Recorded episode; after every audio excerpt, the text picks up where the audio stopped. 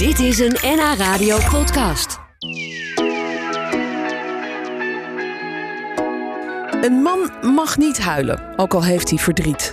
Dat is de tekst van een bekende smartlap van 50 jaar geleden.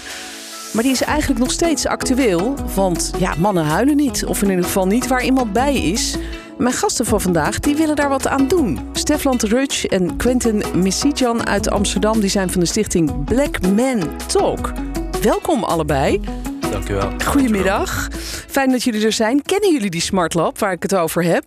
Van... eh, Maar een man mag niet huilen.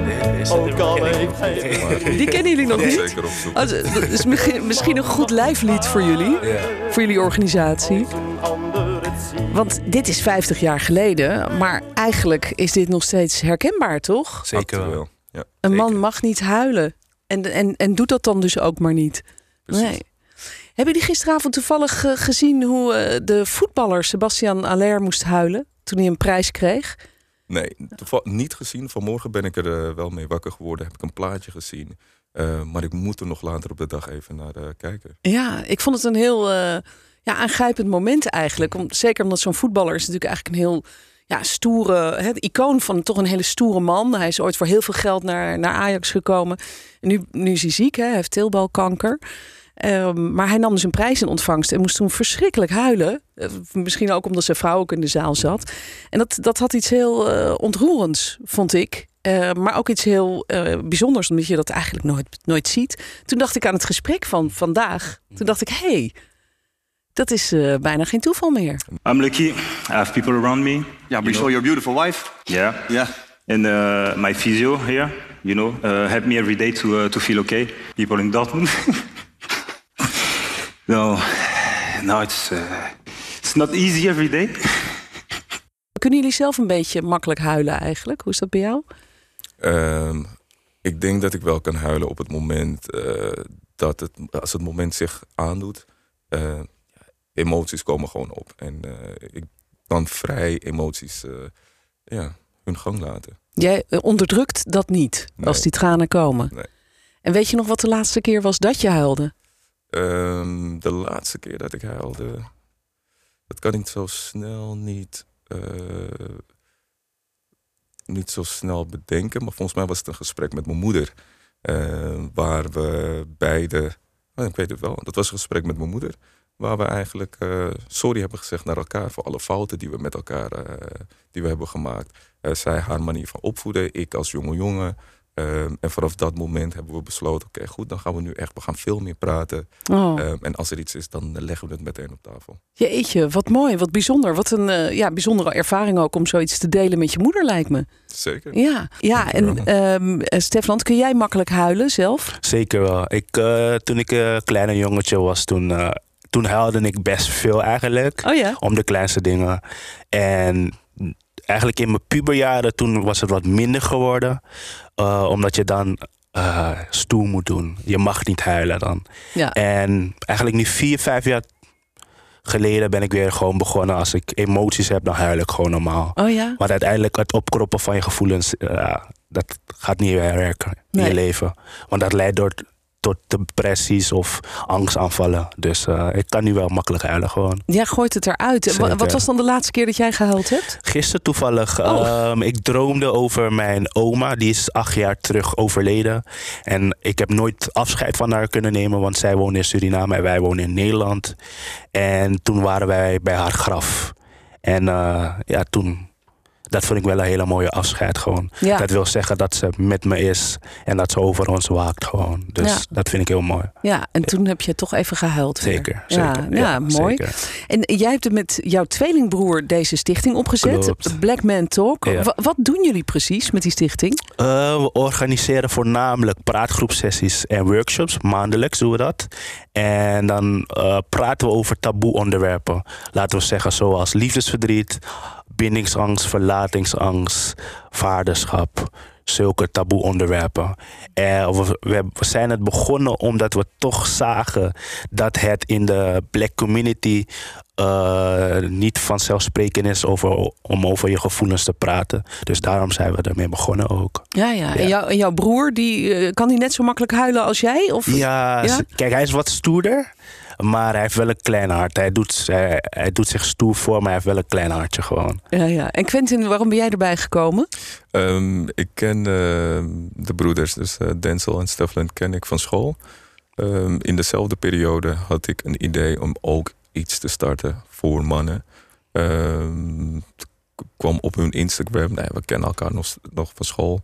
Ehm, met elkaar gezeten, overeengekomen van is goed, laten we gewoon de handen ineen slaan. Ja, En vanaf daar verder. ja en nu vieren jullie die al eh, jullie tweejarig jubileum. Ja, Gefeliciteerd. Dankjewel. er is dus blijkbaar behoefte aan dat wat jullie organiseren. Zeker wel. Ja. Begrijp ik. Enorm. Ja, en die stichting heet Black Man Talk. Jij had het net al over de black community. Dat mannen in die black community niet gewend zijn om, om te praten. Zijn die bijeenkomsten ook specifiek voor zwarte mannen bedoeld? Of, of kunnen er ook mensen uit andere culturen langskomen? O- Officieel staan de deuren natuurlijk voor iedereen open. Wel eh, bespreken we in eh, of tijdens deze sessies, ehm, laten we zeggen, de, de traumatische gebeurtenissen in een opvoeding. Opvoeding kun je vaak ook wel specificeren in eh, afkomst, soort cultuur. En omdat wij zelf, laten we zeggen, ervaringsdeskundig zijn in de, nou, de zwarte opvoeding, de Afrikaanse opvoeding, Ja, richten we ons daar ook echt op. Dus het Ja. gaat ook echt, eh, weet je, heel veel herkenningspunten die echt te maken hebben met de, man- met de manier van opvoeden. ja want Eh. wat, wat, wat krijg je als man mee dan binnen die opvoeding? Eh, wat, je, Bijvoorbeeld? wat je meekrijgt in die opvoeding is eigenlijk, eh, dat zeggen we altijd, is eigenlijk een soort van restant wat af, over is gebleven van eh, de slavernijperiode. Ehm, dingen waarbij vader en moeders best wel snel kunnen zeggen van... als de juffrouw bijvo- bijvoorbeeld zei op school... Quinten doet het best wel goed, de wiskundejuffrouw. Zijn mijn vader standaard... ja, maar, maar hij, hij luistert thuis niet. En dat is eigenlijk overgebleven vanuit die slavernijverleden... waarbij je niet wilde eigenlijk dat je kind werd verkocht. Dus je wilde niet dat je kind het goed deed. Oh, dus als zo. je, als je kind Ja, ja. sterk was, dan zei je nee... Je moest Eh, hem hij niet te veel aanprijzen. Precies, hij is zwak. Niet verkopen alsjeblieft. Oh. En eigenlijk dat soort hele kleine dingen zitten er nog in. Zo hé. Ja. Jeetje, dat, dat gaat dus heel ver dat terug ver eigenlijk. terug, dus, dus dat is ook heel lastig om te doorbreken, denk ik dan. Als dat er zo diep in zit. Ja, wat zijn verder dingen die je meekrijgt als je opgroeit in die black community eh, over je emoties en hoe je die moet uiten? Niet. Of oh, niet uiten. Nee, En die kan je beter niet uiten. nee, bestaat niet. en dat- waar, waar heeft dat dan mee te maken? Zit dat ook, heeft dat ook iets met dat slavernijverleden te maken? Dat, dat, dat je daar gewoon Ja, ehm, vroeger gewoon niet de, de kans toe kreeg eigenlijk überhaupt? Ja, het is bijna net als eh, dat wat, wat je net liet horen van eh Haller. Dat stukje van het is goed dat ik het krijg, want ik kan het dragen. En Mhm. dat is eigenlijk ook bij ons. Om dus die, die periode te moeten, om dat te kunnen doorstaan, moest je sterk zijn. Dus Ja. wat geven ouders mee aan hun kind, generatie na generatie? Je moet sterk zijn. Je mag niet zwak zijn. Je mag niet huilen. Je mag Mhm. niet laten zien dat je gewond bent. Je mag niet laten zien dat je het even moeilijk hebt. Nee, je bent een sterke Je krijger. sterke Yes. krijger. En je zorgt voor je familie en, eh, en zo moet het gaan. Heb Ja. jij dat zelf ook zo meegekregen van jouw moeder? Van je ouders? Van, me, van mijn moeder minder. eh, van mijn vader zeker. Ja? Ja. Hoe ging dat dan bijvoorbeeld? Toen Ja. jij nog een eh, kleine Quinten was? Nou, ehm, eh, Als je was gevallen bijvoorbeeld? je werd gepest op school. Ik kom thuis, vertelt het aan je vader. En je vader zegt, oké, en wat wil je dat ik doe?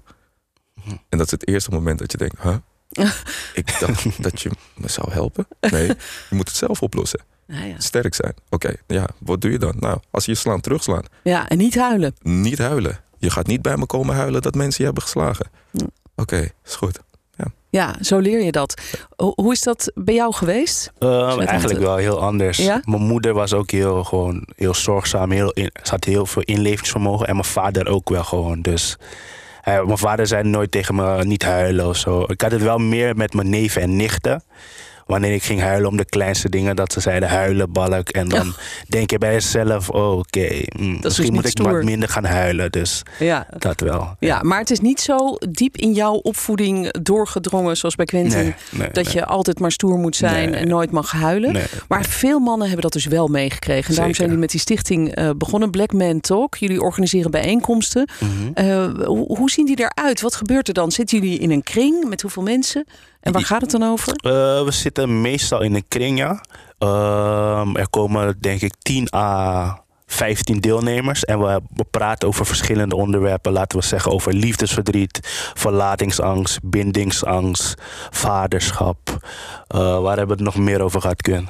Eh, moet ik echt even stil houden. Het zijn zoveel... ehm, Ja. De olifant in de kamer. Ehm, dus de, De dingen waar je niet de over dingen kunt waar je praten. niet over Ja. kunt praten. Ja. En wordt er dan ook wel eens gehuild tijdens die Zeker, bijeenkomsten? Ja? zeker wel, zeker wel, zeker wel. Ja, zeker. Oh, want dat lijkt me wel bijzonder als je met allemaal stoere mannen samen zit. eh, dat er dan opeens gehuild wordt. Dat vind ik wel knap. Ja, het is eigenlijk, we zijn een safe space en we zijn blij dat de mannen hun gevoelens kunnen uiten. Ja, Dus als ze huilen of andere emoties uiten, dat wil zeggen wij eh, doen het goed. Wij Ja. creëren die safe space voor de mannen. En voor onszelf ook gewoon. ja. Want wij hebben dit, heel veel mannen hebben dit niet in hun jeugd gehad. Dus ja, nu Ja. herleven ze hun jeugd en huilen ze. Ja, jullie bieden eigenlijk wat, wat in een gezin geboden had Yes. eh, moeten worden misschien. En, Ja. eh, een luisterend oor en een veilige plek om je verhaal te vertellen met Zeker. alle emoties die erbij komen. En eh, jullie doen dit allebei. niet, het is niet jullie fulltime baan, want jullie doen allebei nog iets ernaast, toch? Jullie hebben gewoon een baan en een studie. Wat, wat doe jij, Quentin? Klopt. Ik werk voor de gemeente Zaanstad. Oh ja. Ja, dus dat is iets heel anders. Klopt. Maar je je- bent ook wel mensen aan het helpen op een andere manier. Oh ja, wat doe je dan? Ik, zit, ik werk op eh, burgerzaken. Oh ja, Dus je komt echt bij me wanneer... eh als je gaat trouwen. eh, het is een net iets andere tak van burgerzaken. Oh, Eh, de paspoorten, oh ja. de ID-kaarten, rijbewijzen, Ja, ja. VOG-verklaringen. Ja. Dat soort dingen. Nou, dan heb je niet vaak huilende mensen aan je, denk ik, aan je balie. Nee. Nee. en jij, Stefan, jij studeert, hè, begrijp Ik, ik? ja, ik studeer nog aan de Hogeschool Holland. Ik zit nu in mijn afstudeerjaar. Eh, ik ben twee weken terug begonnen met mijn afstudeerstage.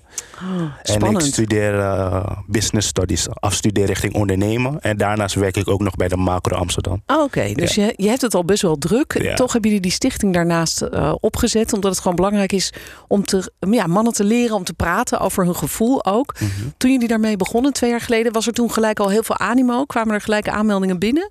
Zeker wel, zeker wel. Ehm, onze eerste sessie was in september 2020. En toen hadden we al tien aanmeldingen. We Oh. dachten we beginnen gewoon lekker klein. Zodat de mannen die komen, dat ze niet meteen gechoqueerd worden dat er zoveel mannen zijn. Dat is met de 50. eh. Nee. En eh, sindsdien is het echt gewoon blijven groeien, blijven groeien, blijven groeien gewoon. En, en waar komen die mannen allemaal vandaan? Komen ze uit heel Nederland? Of Ja, is het echt. eh, zeker. ja? Je hebt echt eh, mannen die soms eh, twee of drie uur hebben gereisd eh, om naar een sessie te komen. Ik hoorde het op de radio, ik zag het voorbij komen op tv en ik wilde er echt heel graag bij zijn. Ja? Ja. Wat mooi. En, en nog even over die sessies. Hè. Het is een bijeenkomst, vertelden jullie net. Eh, Mhm. je zit dan in principe in een kring met een man of 10, 15. Dan is er een thema. Ja. Eh, wie- bepaalt eigenlijk dat thema? Doen jullie dat zelf? Of mogen die mannen zelf ook met iets komen waar ze graag over willen praten een keer? Wat we nu veelal doen is de thema's zelf eh, van tevoren bespreken. En we proberen ook met, ehm, met de polls eigenlijk op Instagram aan te voelen of te vragen welke onderwerpen eh, kunnen we het beste aansnijden. En dan kijken we een beetje hoe dat gaat. En wat valt jullie dan op? Waar is vooral behoefte aan? Waar willen die mannen vooral over praten? Wat ze eigenlijk in hun eigen omgeving moeilijk vinden? Ehm, het loopt uiteen, maar uiteindelijk komt het vaak neer op ehm, hoe hun positie eigenlijk in de samenleving, hoe ze dat kunnen verbeteren. Al is het ten opzichte van hun kinderen, eh, ten opzichte van hun partner, eh, ouders. Worden Ja. ook wel eens mannen gestuurd door hun vrouw? Zeker. Ja, echt? Zeker wel. Ja, ja zeker. Ook Ja. door hun vriendinnen of moeders of therapeuten ook tegenwoordig. We krijgen ook gewoon mails van therapeuten dat ze gezien hebben wat we doen. En ze sturen dan hun cliënten naar onze sessies gewoon. Ja, ja. Dat hebben we ook gewoon gehad. Ja. Ja, En, en die komen die mannen dan één keer en zijn ze dan in één klap helemaal open en kunnen ze daarna gewoon praten en huilen? Of, of heeft dat wat meer tijd nodig? Want ik denk als je dat je hele jeugd allemaal op hebt geleg, eh, gelegd gekregen van Mhm. je mag niet huilen, Mhm. dat het wel even duurt, toch? Het verschilt. Het verschilt per man. Sommige mannen die zijn meteen binnen vijf minuten zijn ze open. Maar sommige mannen tijdens de eerste sessie praten ze helemaal niet. Ze observeren alleen.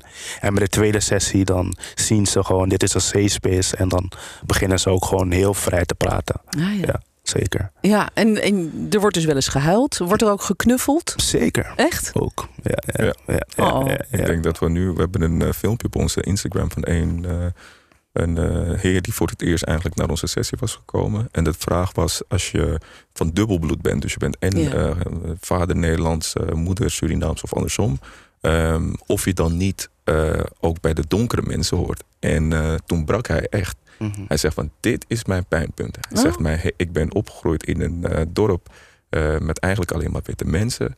Eh, ik had natuurlijk een tintje, daar Ja. hoorde ik er niet bij. Hij zegt, en als hij dan daar buiten kwam, ja, dan hoorde hij hoorde nergens bij. Nou, hij brak, en ja, voor ons was het, ja, niemand hoeft ons te, te vragen. En daar wij allemaal er naartoe gestormd, hem geknuffeld. En toen gaf hij ook aan, hij zegt, de warmte die ik hier voel, dit is dezelfde warmte die ik voelde toen ik mijn familie ging opzoeken op Curaçao voor het eerst. Hij zegt dus dank jullie wel daarvoor. Oh, Mooi. dat, dat is mooi zeg. Mhm. Jeetje. Nou, jullie doen eh, goed werk. Ehm, jullie zitten in eh, de Bijlmer in Amsterdam Zuidoost. Daar heb je natuurlijk ook nog wel wat jongeren bijvoorbeeld die in een heftige straatcultuur leven. Mhm. Ehm, eh, bereiken jullie die eigenlijk ook? Want ik, ik denk wel eens, die zit natuurlijk ook heel erg in dat eh stramien van je moet stoer zijn en hard, Mhm. harder, hardst. En komen die ook bij jullie? Of, of is dat nog net een te grote stap misschien?